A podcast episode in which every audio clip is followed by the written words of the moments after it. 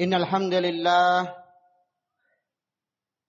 نحمده تعالى ونستعينه ونستغفره ونستهديه ونتوب إليه. ونعوذ بالله من شرور أنفسنا ومن سيئات أعمالنا. من يهده الله فلا مضل له ومن يضلل فلا هادي له.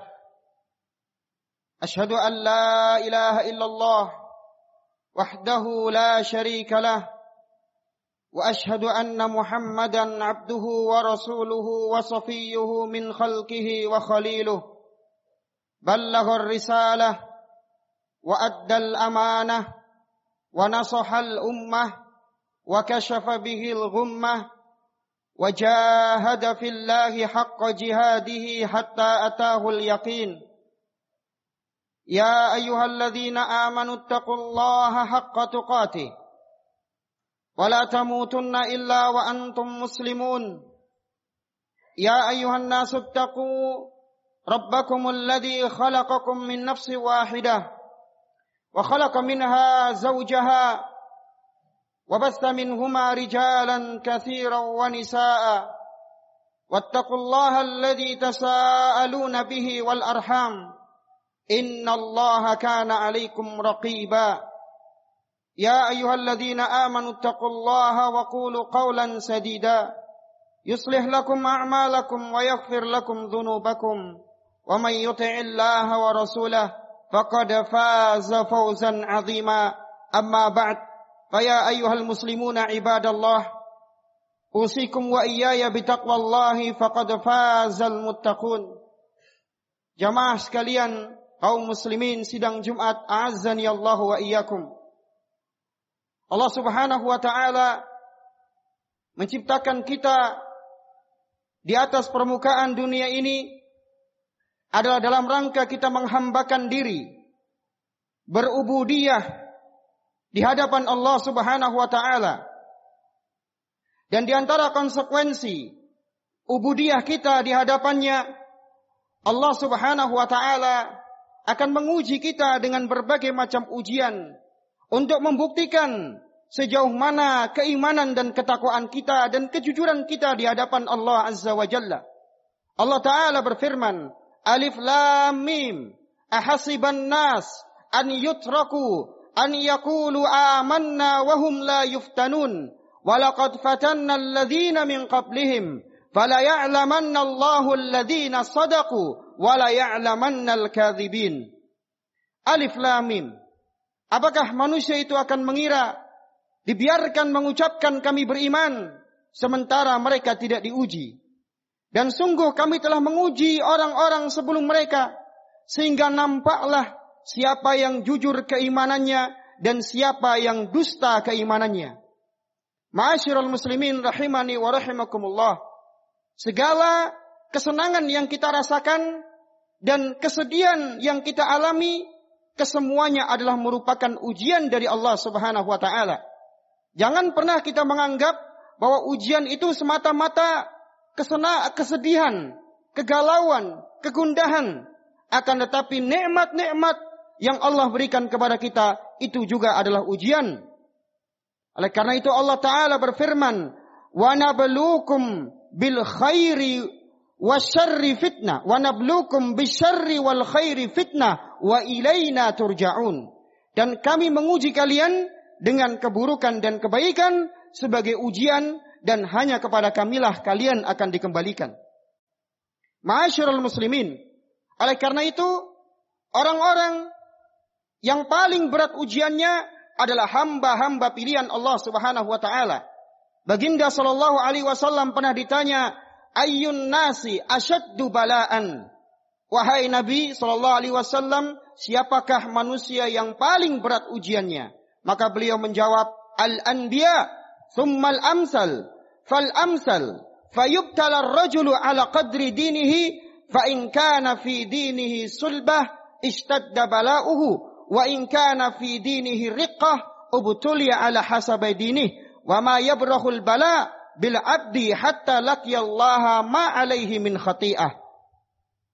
Maka beliau menjawab yang paling berat ujiannya adalah para nabi, kemudian yang semisal dan yang semisal. Para wali-wali Allah, orang-orang yang beriman. Dan seorang akan diuji sesuai dengan keimanannya. Apabila keimanannya kokoh, maka akan semakin berat pula ujiannya. Sebaliknya siapa yang keimanannya lemah, keimanannya tipis, maka dia akan diuji berdasarkan keimanannya masing-masing. Dan senantiasa seorang mendapatkan ujian dari Allah di dunia ini sehingga dia berjumpa dengan Allah Subhanahu wa taala pada hari kiamat dalam kondisi tidak membawa dosa sedikit pun. Allah bersihkan dosa-dosanya dengan ujian-ujian yang menimpanya. Masyaallah muslimin rahimani wa rahimakumullah. Syekhul Islam Ibnu Taimiyah pernah mengatakan, "Fa idza azumatil bala kana dzalika sababan li'uluwid darajah." wasababan li'azimil ajr. Apabila musibah yang menimpa seorang semakin besar, maka itu adalah sebab Allah Subhanahu wa taala akan meninggikan derajatnya dan Allah Subhanahu wa taala akan melipat gandakan pahalanya. Oleh karena itu Imam Al-Munawi rahimahullah pernah menjelaskan, sungguh orang tidak berakal dan sungguh orang tidak memikirkan dengan hatinya ketika dia menyangka bahwa ketika mendapatkan ujian besar, dia itu sedang dihinakan oleh Allah, dia sedang disia-siakan oleh Allah. Tidak sama sekali. Bahkan kita dapati para anbiya, orang-orang yang saleh, para khulafaur rasyidin, mereka mendapatkan ujian-ujian yang berat. Mereka mendapatkan cobaan-cobaan yang tidak ringan. Maka jamaah sekalian rahimani wa rahimakumullah. Inilah tanda kecintaan seorang Inilah tanda kecintaan Allah Azza wa Jalla kepada seorang hamba. Ketika Allah cinta kepada seorang hamba, maka Allah akan uji dia dengan berbagai macam ujian. Inna Allah idha ahabba qawman ibtalahum, faman radhiya falahur ridha, wa man sahita falahu sukht. Sesungguhnya, apabila Allah subhanahu wa ta'ala meridhai, mencintai seseorang, maka Allah subhanahu wa ta'ala akan mengujinya. Siapa yang ridha, dia mendapatkan keridhaan dari Allah. Siapa yang mengeluh, dia akan mendapatkan kemurkaan dari Allah Subhanahu wa taala. Oleh karena itu, ma'asyiral muslimin, tidak ada jalan lain dalam kita menghadapi ujian-ujian dari Allah, cobaan-cobaan dari Allah Subhanahu wa taala selain kita bersabar. Selain kita bersabar. Sebab kesabaran inilah yang akan membuat kita mendapatkan pahala yang tidak terhitung dan tidak terhingga. Allah Azza wa Jalla pernah berfirman, "Innama yuwaffas sabirun ajrahum bighairi hisab." Sesungguhnya balasan bagi orang-orang yang bersabar, mereka akan mendapatkan pahala tanpa batas. Para ulama menjelaskan di antaranya Al-Imam Al-Auza'i, maksud dari pahala yang tidak terbatas, pahala tersebut tidak bisa ditakar dan ditimbang. Kemudian sebagian ulama yang lain mengatakan di antaranya As-Suddi bahwasanya maksudnya dia tidak akan pernah bisa menghitungnya. Kemudian maksudnya juga pahala tersebut adalah pahala jannah. Sebab orang yang bersabar tidak ada balasan lainnya kecuali jannah. Dan dalam bersabar ini ma'asyiral muslimin membutuhkan kekuatan, membutuhkan ketegaran, membutuhkan latihan. Kalau kita tidak latih selamanya kita akan terus berkeluh kesah dan tidak bisa bersabar dalam musibah yang kita hadapi. Oleh karena itu Nabi Shallallahu Alaihi Wasallam bersabda, "Waman yatasabbar yusabbiruhullah." Siapa yang bersabar, maka Allah Subhanahu wa taala akan Siapa yang berlatih bersabar, maka Allah Subhanahu wa taala akan mengokohkannya di atas kesabaran. Ibadallah, sidang Jumat sekalian rahimani wa rahimakumullah. Mudah-mudahan kisah berikut ini menjadi pelajaran bagi kita. Kisah yang dibawakan oleh Imam Muslim dalam sahihnya. Dibawakan oleh sahabat yang mulia Anas bin Malik radhiyallahu taala anhu. Kata Anas bin Malik, "Atatim ra'ah as-sauda ila Nabi sallallahu alaihi wasallam." Datang seorang wanita yang berkulit hitam kepada Nabi sallallahu alaihi wasallam. Ingat, wanita ini adalah wanita yang berkulit hitam, bukan wanita yang putih bak batu pualam, tapi wanita yang berkulit hitam. Tapi jangan lihat rupanya, lihat ketakwaannya di hadapan Allah Subhanahu wa taala.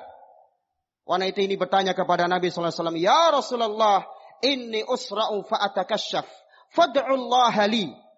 Wahai Rasulullah, aku terkena penyakit ayan. Dan ketika kambuh penyakit tersebut, maka auratku tersingkap. Maka berdoalah kepada Allah subhanahu wa ta'ala untuk menyembuhkanku. Maka apa kata Nabi sallallahu alaihi? Nabi memberikan opsi kepada wanita ini. In syi'ti sabarti walakil jannah. Wa in syi'ti da'autullaha laki fayu'afiyaki. Kalau kau mau, kamu bisa bersabar. Dan balasanmu adalah surga. Dan kalau kau mau, aku akan doakan kesembuhan buatmu dan engkau akan sembuh.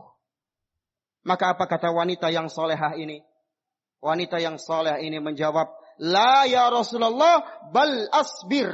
Tidak wahai Rasulullah, bahkan saya lebih memilih untuk bersabar dengan penyakit saya ini. Wanita lemah harus menanggung penyakit ayan yang tentunya penyakit ini adalah penyakit yang sangat berbahaya. Bahkan masyarakat kita menganggap jijik ketika melihat penyakit tersebut. Tapi perhatikan ketika wanita ini bersabar, maka balasannya adalah surga. Kemudian wanita ini mengatakan, "Walakin ya Rasulullah, ud'ullaha an la atakasyaf." Tapi wahai Nabi sallallahu alaihi wasallam, berdoalah kepada Allah Subhanahu wa taala agar ketika penyakitku kambuh aku tidak terbuka auratnya. Maka Nabi wasallam pun mendoakan wanita ini. Ibadallah, inilah buah kesabaran. Siapa yang bersabar terhadap musibah yang dihadapi, tidak ada balasan kecuali balasan jannahnya. Namun sorga itu tidaklah murah. Sorga membutuhkan perjuangan. Sorga membutuhkan mujahadah. Allah Azza wa Jalla berfirman, "Am hasibtun an tadkhulul jannah walamma ya'tikum mathalul ladzina khalau min qablikum." Apakah kalian mengira bahwa kalian akan begitu mudahnya melenggang ke surga sementara belum datang kepada kalian musibah-musibah, ujian-ujian yang menimpa umat sebelum kalian. Barakallahu li walakum fil Qur'ani was sunnah wa nafa'ani wa iyyakum bima fihi minal ayati wal hikmah. أقول ما تسمعون. أستغفر الله العظيم لي ولكم ولسائر المسلمين. فاستغفروه إنه هو الغفور الرحيم.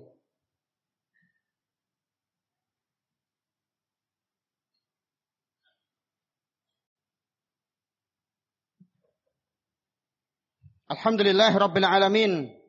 حمدا كثيرا طيبا مباركا فيه كما يحب ربنا تبارك وتعالى ويرضى ثم الصلاة والسلام الأكملان والأتمان على المبعوث رحمة للعالمين نبينا محمد وعلى آله وأصحابه ومن اتبع بهداه وتمسك بسنته إلى يوم الدين وسلم تسليما كثيرا أما بعد معاشر المسلمين sidang jamaah Jumat sekalian rahimani Allah wa iyyakum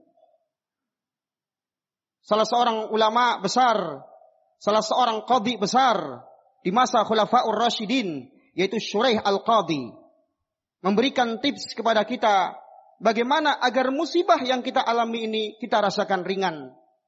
Yang pertama, yakinilah bahwa ketika kita merasakan musibah, masih ada musibah yang lebih berat daripada musibah yang kita rasakan. Masih ada orang-orang yang merasakan musibah yang lebih berat daripada yang kita rasakan. Kemudian yang kedua, kata beliau, merupakan anugerah ketika seorang mendapatkan musibah dia bisa bersabar. Kemudian yang ketiga, ketika dia terkena musibah, dia mampu mengucapkan inna lillah wa inna ilaihi raji'un. Sesungguhnya kami ini milik Allah dan kepada Allah lah kami akan kembali. Kalau kita sadar bahwa kita ini milik Allah, harta kita ini milik Allah, keluarga kita ini milik Allah, semuanya adalah milik Allah, maka tidak ada lagi kesedihan, dan siapa yang mengucapkan ini, Allah Subhanahu wa taala akan ganti dengan lebih baik. Kemudian yang keempat, bersyukurlah ketika mendapatkan musibah karena musibah tersebut tidak menimpa agama kita, masih menimpa dunia kita saja. Harta masih bisa kita mencarinya lagi. Ketika seorang merasakan sakit, sakit masih bisa disembuhkan dengan izin Allah. Wa idza maridtu fahuwa. Ketika aku sakit maka Allah yang menyembuhkan. Ketika tidak disembuhkan oleh Allah kemudian dia meninggal dunia, penyakit tersebut akan menghapuskan dosa-dosanya. Maka bersyukurlah selagi musibah itu tidak menimpa agama kita. Maka musibah yang besar ketika musibah menimpa agama kita, kita terjatuh ke dalam kesyirikan, terjatuh dalam kesesatan, terjatuh dalam kubangan maksiat. Oleh karena itu Nabi Shallallahu Alaihi Wasallam bersabda, "Wala taj'al musibatana fi dinina." Wahai Rob kami, janganlah engkau jadikan musibah itu menimpa agama kami. Masyarul muslimin. Seberapapun besarnya musibah yang kita rasakan di dunia, ketika seorang masuk ke dalam jannah, musibah itu akan terasa kerdil, terasa kecil, bahkan dia tidak akan pernah mengingat lagi musibah tersebut. Walaupun hanya dia satu celupan ke dalam surga. Kata Nabi Shallallahu Alaihi Wasallam dalam sabdanya, "Yu'ta bi asin nasi fid dunya min ahlil jannah, fayusbahu sabhatan fil jannah, fayuqalu ya fulan, hal ra'aita bu'san qat?" Qala la wallahi ya Rabb akan didatangkan nanti di hari kiamat orang yang paling menderita di dunia. Paling menderita dia. Namun dia adalah ahlul jannah. Dia masuk ke dalam sorga. Inilah keberuntungan. Seberapapun menderita kita di dunia, seberapapun susahnya kita di dunia, jangan sampai kita merasakan susah di hari akhirat. Maka orang ini masuk sorga walaupun di dunia dia merasakan kesulitan yang amat sangat. Kesusahan yang sangat luar biasa. Maka dicelupkanlah dia ke sorga satu kali celupan saja. Maka Allah subhanahu wa ta'ala bertanya kepada orang ini, Wahai hambaku, apakah engkau pernah merasakan kesulitan, kesusahan sedikit pun? Maka hamba ini mengatakan, tidak demi Allah ya Rabb. Sebaliknya kata Nabi SAW, Wa yu'ta bi'an'amin nasi fid dunya min ahlin nar. Fayusbahu sabahatan fil, fil nar. Fayuqal Ya fulan, har ra'aita na'iman qat? Qala la wallahi ya Rabb. Akan didatangkan pula nanti pada hari kiamat. Orang yang paling nikmat di dunia. Namun dia adalah penghuni neraka. Maka dicelupkanlah dia satu kali celupan ke dalam neraka. Kemudian Allah bertanya, Wahai hambaku, pernahkah engkau merasakan kenikmatan? Maka orang ini mengatakan, tidak pernah wahai Rabbku. La ilaha illallah. Demikianlah Musibah di dunia ini tidak ada apa-apanya dengan musibah di akhirat. Penderitaan di dunia ini akan tertutupi dengan kenikmatan di akhirat. Maka jamaah sekalian carilah kenikmatan yang abadi. Carilah kenikmatan akhirat yang itu adalah merupakan kampung abadi dan kenikmatan abadi. Nas'alullah al-jannata wa na'udzubillahi minan nar. Innallaha wa malaikatahu yusalluna 'alan nabi. Ya ayyuhalladzina amanu sallu 'alaihi wa sallimu taslima. Allahumma salli wa sallim wa barik ala Muhammad wa ala ali Muhammad كما صليت على إبراهيم وعلى آل إبراهيم وارض عن الخلفاء الراشدين المهديين ومن اتبع على نهجهم إلى يوم القيامة. اللهم أعز الإسلام والمسلمين. اللهم أعز الإسلام والمسلمين وأذل الشرك والمشركين. واخذل كفره الملحدين أعداءك وأعداء الدين. اللهم انصر المجاهدين المخلصين في سبيلك في كل مكان يا رب العالمين. اللهم ايدهم بنصرك يا ذا الجلال والإكرام. ربنا ظلمنا أنفسنا وإن لم تغفر لنا وترحمنا لنكونن من الخاسرين. اللهم آت نفوسنا تقواها فزكها أنت خير من زكاها أنت وليها ومولاها. ربنا تقبل منا إنك أنت السميع العليم وتب علينا إنك أنت التواب الرحيم ويا مقلب القلوب ثبت قلوبنا على طاعتك ويا مصرف القلوب صرف قلوبنا على دينك يا ذا الجلال والإكرام. ربنا آتنا في الدنيا حسنة وفي الآخرة حسنة وقنا عذاب النار. عباد الله إن الله يأمر بالعدل والإحسان وإيتاء ذي القربى وينهى عن الفحشاء والمنكر والبغي يعظكم لعلكم تذكرون. فاذكروا الله العظيم يذكركم واشكروه على نعمه يزدكم ولذكر الله أكبر. والله أعلم ما تصنعون. وأقيموا الصلاة يرحمكم الله.